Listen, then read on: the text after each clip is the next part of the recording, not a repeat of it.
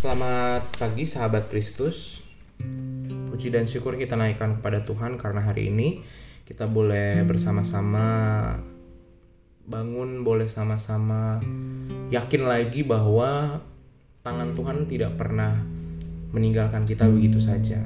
Tangan Tuhan selalu ada, tangan Tuhan selalu melihat setiap orang yang berjerih lelah dalam setiap kelemahan, kekurangan, keterbatasan, ketakutan, dan harapan.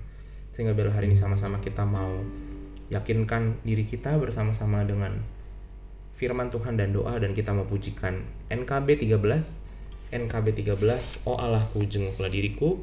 NKB 13 Oh Allahku jenguklah diriku. Oh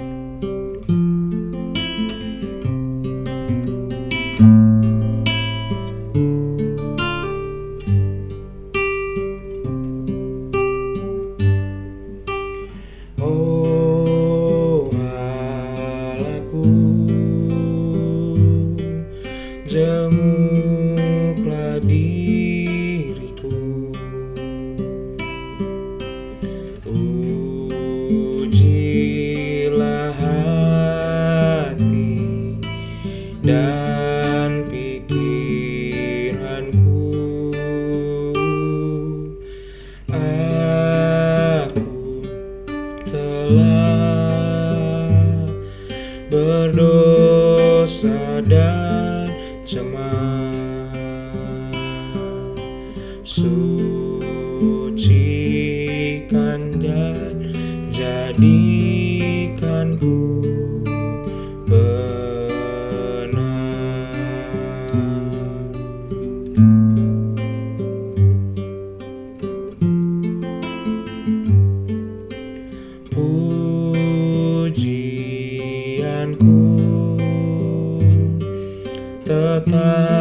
tetaplah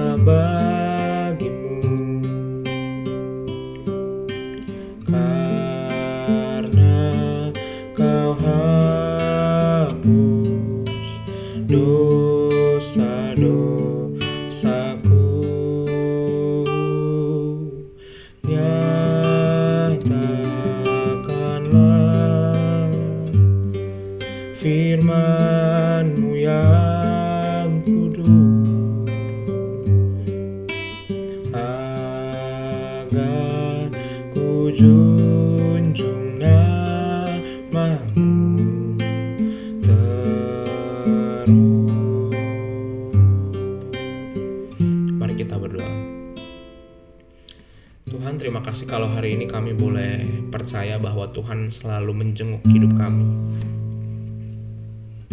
Kau selalu ada bahkan di hari-hari kami. Ketika matahari bersinar cerah Ketika hidup kami aman-aman dan bahagia Tapi ketika hidup kami juga ada masalah dan mendung di mana-mana Kami percaya bahwa Tuhan tidak pernah meninggalkan kami. Sehingga biarlah hari ini kami sama-sama mau percaya Tuhan Engkau yang akan mampukan kami Untuk bisa memahami dan melihat bahwa kejadian hidup kami adalah indah Selalu di mata Tuhan Terima kasih Tuhan dalam nama kami berdoa Amin. Kita akan baca dari Ibrani Ibrani 8, Ibrani 8 Ibrani 8 ayat 8 sampai 12. Ibrani 8 ayat 8 sampai 12. Ibrani 8 ayat 8 sampai 12 demikian sabda Tuhan. Sebab ia menegur mereka ketika ia berkata, sesungguhnya akan datang waktunya. Demikianlah firman Tuhan. Aku akan mengadakan perjanjian baru dengan kaum Israel dan dengan kaum Yehuda. Bukan seperti perjanjian yang telah kuadakan dengan nenek moyang mereka. Pada waktu aku memegang tangan mereka untuk membawa mereka keluar dari tanah Mesir. Sebab mereka tidak setia kepada perjanjianku, dan aku menolak mereka, demikianlah firman Tuhan. Maka inilah perjanjian yang kuadakan dengan kaum Israel sesudah waktu itu. Demikianlah firman Tuhan. Aku akan menaruh hukumku dalam akal budi mereka dan menuliskannya dalam hati mereka. Maka aku akan menjadi Allah mereka dan mereka akan menjadi umatku. Dan mereka tidak akan mengajar lagi sesama warganya atau sesama saudaranya dengan mengatakan kenalah Tuhan. Sebab mereka semua besar kecil akan mengenal aku sebab aku akan menaruh belas kasihan terhadap kesalahan mereka dan tidak lagi mengingat dosa-dosa mereka.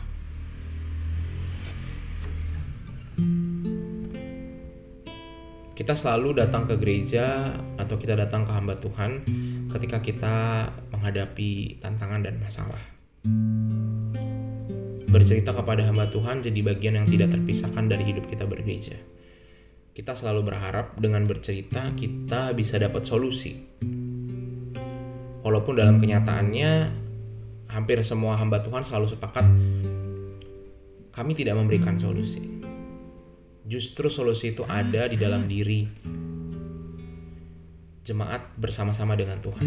Kami hanya mengantar rekan-rekan untuk bisa dengan kepala dingin dan bisa melihat lebih banyak.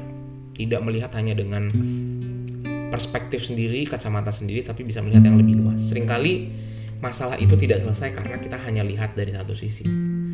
Hanya lihat dari ego kita. Sehingga padahal yang sedang kita hadapi ini berkaitan dengan banyak orang sehingga butuh dari banyak sisi. Tapi karena mungkin kita kebiasaan ya selalu datang ke pendeta selalu berharap ada jawaban di sana. Padahal kita bisa langsung datang kepada Tuhan. Kita bisa lihat dari firman-Nya hari ini. Ketika Tuhan berkata bahwa kita sudah tidak perlu lagi ya mau datang kepada Tuhan kalau orang zaman dulu mau ngasih persembahan harus lewat imam mau baca Torah nggak bisa pegang Torah itu di rumah harus lihat di sinagoga atau bait Allah tapi Tuhan berkata bahwa mereka akan mengenalku ya. tidak perlu lagi ada orang mengajar sesamanya dan tidak perlu lagi ada perantara-perantara lainnya. Besar kecil siapa pun kita di ayat 11 dikatakan sebab mereka semua besar kecil akan mengenal aku. Sebab aku akan menaruh belas kasihan terhadap kesalahan mereka.